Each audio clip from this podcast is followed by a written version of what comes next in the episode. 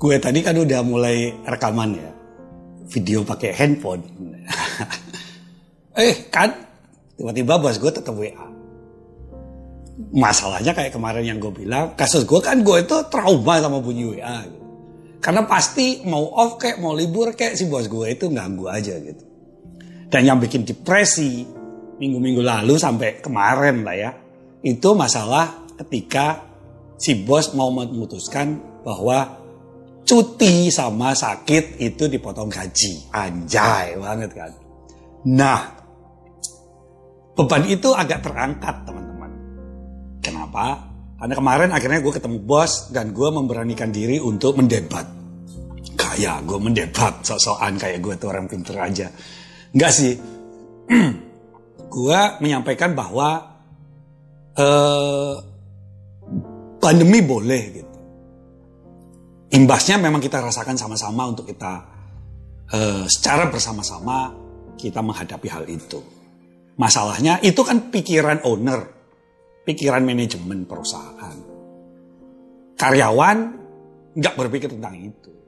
Karyawan paling getol, paling kenceng kalau ngomong tentang hak. Tapi kalau sudah ngomong kewajiban, kalau bisa nggak ada kewajiban kayak gitu ya. Gue jadi uh, keinget zaman kuliah dulu diajarin teori X and Y gitu. Pada dasarnya setiap manusia itu adalah uh, pemalas gitu. Ya mungkin gue salah ya. Gue tepatnya apa, gue lupa gitu. Nah, akhirnya mungkin mood si bos lagi enak, akhirnya dengan pertimbangan bahwa dalam masa pandemi ini, dalam masa pemulihan ini, mau level 3 kayak, level 2 kayak, atau level apa kayak gitu kan. Yang paling penting adalah bagaimana secara bersama-sama kita tetap produktif untuk menghindari resiko kemungkinan yang lebih buruk yaitu layoff gitu. Tapi gue juga akhirnya bersyukur karena kalau sakit tetap nggak dipotong gaji. Bahaya men. Ntar kalau ada orang kena covid, dipotong gajinya dua minggu karena harus isoman, gue nggak tahu apa yang akan terjadi. Gitu. Oke, habis itu larilah gue ke lantai KF, ground floor, lantai satu, lantai tiga, lantai tujuh, untuk ngomong dulu bahwa gue mau menerbitin memo mengenai masalah pengaturan hak cuti ini. Gue sampaikan pasti teman-teman juga menolak awalnya. Mereka kembali lagi berteriak masalah hak kok begini, perusahaan begini, begini, begini, mau dilaporin lah. Gue sampai ngomong gini, laporin lah terserah gitu. Gue menyampaikan lagi kepada teman-teman bahwa pada dasarnya nggak ada hak karyawan yang dipotong. Kenapa? Karena kalaupun cuti akhirnya mempengaruhi upah gaji bulan berjalan, jadi misalnya gue cuti bulan Oktober dua hari. Tadinya hak cuti gue kan masih ada 12 hari setahun, belum pernah gue ambil, belum pernah cuti gue. Udah hampir tiga tahun gue nggak pernah pulang kampung. Gue kangen banget sama Jogja, gue kangen banget sama ibu bapak gitu.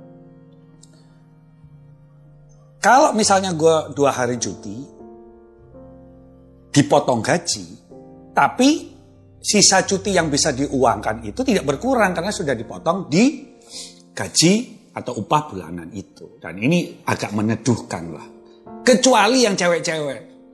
Satu cewek di bagian pajak, ada pajak, ini emang anaknya uh, batu lah. Mengundurkan diri. Bos gue seneng kalau ini mengundurkan diri karena ini yang masalah juga nih anak nih gitu ya kira-kira ya. Nah kemudian yang kedua anak marketing, anak showroom. Anak showroom itu ngelupa pak ini THR yang separuh belum dikembalikan, ini nggak diajak ngobrol dulu tiba-tiba memo mau dikeluarin gimana sih? Bla bla bla. Tapi gue tetap sampaikan bahwa Yulia, namanya Yulia ya. Hak cuti karyawan itu nggak dihapus. Tapi kan setiap orang punya kepentingan. Akhirnya aku bilang semua ada solusinya. Kalau misalnya kepentingan itu sangat mendesak, maka sampaikan sama direksi. Mohon izin dulu, minta izin dulu. Minta izin karena ada sesuatu hal yang tidak dapat ditinggalkan, terus terang aja alasannya apa. Dan mohon agar upah bulanan tidak dipotong, tapi saldo cuti tahunan dipotong nggak apa-apa. Tetap aja kok, ke wah nggak adil, bla bla bla bla lah ya. Sehingga gue akhirnya setelah dengan beberapa perdebatan itu gue bikin memo. Memo ini antara lain isinya isinya adalah bahwa eh, dalam eh berhubungan dengan dampak pemulihan yang perlu dilakukan agar perusahaan tetap berjalan dan tetap memberikan kesempatan kerja yang lebih baik kepada karyawan, maka hak cuti diatur bahwa eh, cuti tidak diambil dulu sampai informasi selanjutnya atau sampai di eh, akan disampaikan kemudian jangka waktunya. Ini gue juga belum tahu sih, bos juga belum tahu sampai kapan ppkm ini berjalan, dibatasinya kayak gimana kita juga belum tahu. Gitu. Yang ada kan di Kemenaker kan hanya aturan WFH sama WFO doang gitu. Tapi pulih kembali kapan belum tahu.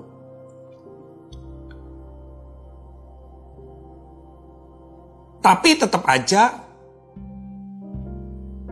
masih ada beban buat gue. Yaitu tadi, WA. Kenapa WA itu menjadi traumatik buat gue? Karena selalu berisi masalah perihal-perihal kantor, hal-hal yang ditanyakan si bos. Kadang-kadang yang ditanyakan si bos itu nggak terpikir sama gue. Gitu. Jadi misalnya, Pak, kapan kandidat accounting sudah bisa diwawancara? Padahal gue jadwalin Senin kemarin gitu. Cuman Senin kemarin pas meeting itu, meetingnya itu panjang banget gitu. Sampai jam 3. Jadi nggak sempet lah seperti itu.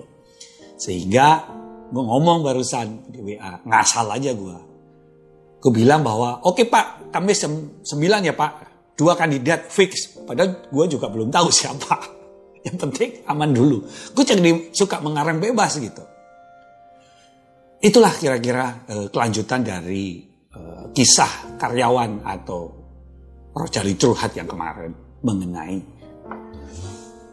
karyawan.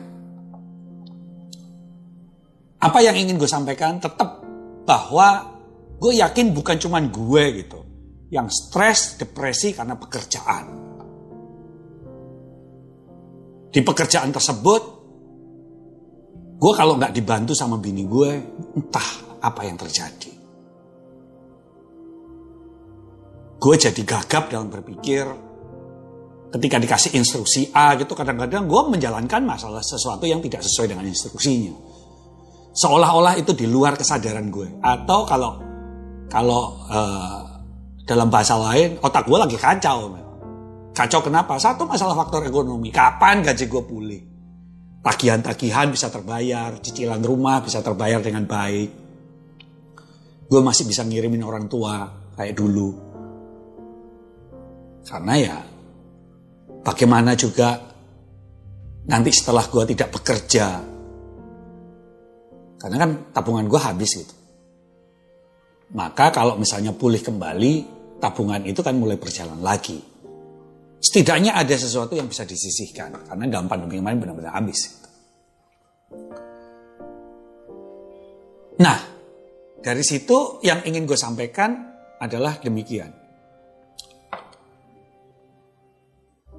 Gak enaknya berhubungan dengan karyawan karena karakter manusia itu berbeda-beda. Teorinya ada, diajarkan bagaimana, banyak pendekatan-pendekatan yang seolah-olah ideal. Gue coba ketika gue ikut satu grup HRD. Gue hanya tanya sesuatu yang berkaitan dengan HRD, yaitu masalah cuti. Ini sebelum gue ngeluarin memo kemarin. Gak satu pun yang jawab. Gue takut juga kalau mereka nggak bisa menjawab satu pertanyaan yang mungkin mudah gitu. Terus sebenarnya tugas HRD selama ini ngapain? Gitu? Apakah coaching, mentoring, konseling itu dilakukan? Kalaupun dilakukan, bagaimana terhadap diri mereka sendiri? Sertifikasi terhadap HRD ini menjadi penting. Mengapa? Karena jangan sampai HRD ini hanya menjadi tenaga admin saja.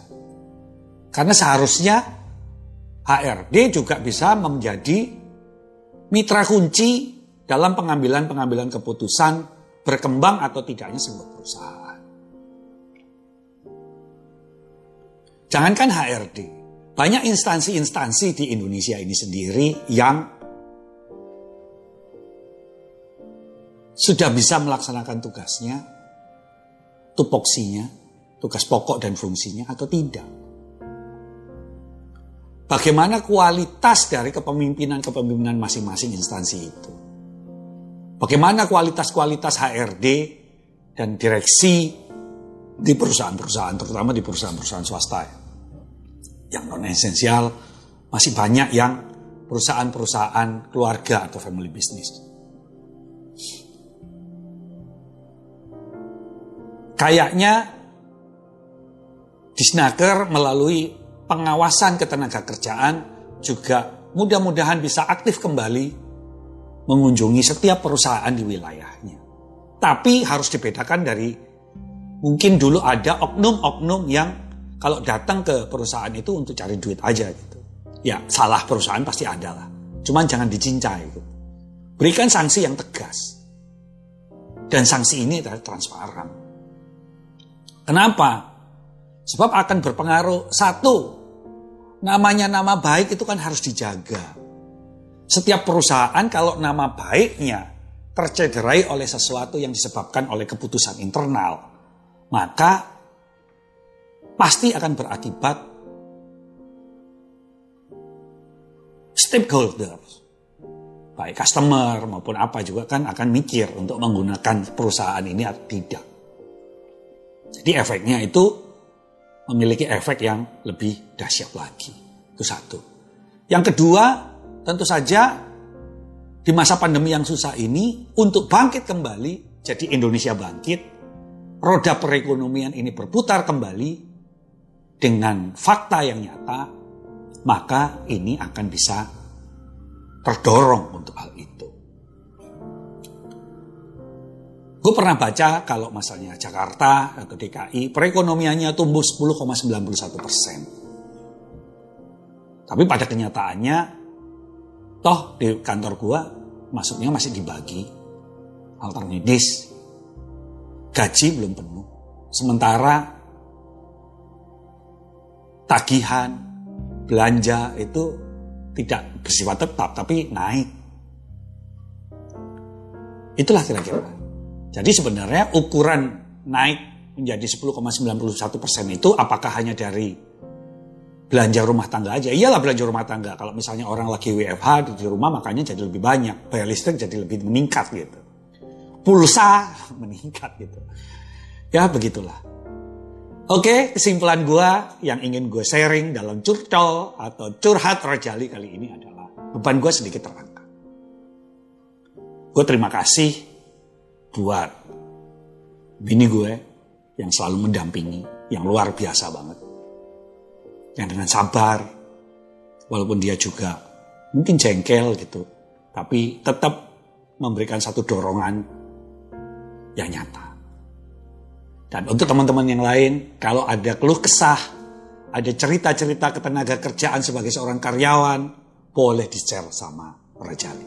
Sampai sini dulu, sampai ketemu lagi Salam Rejali.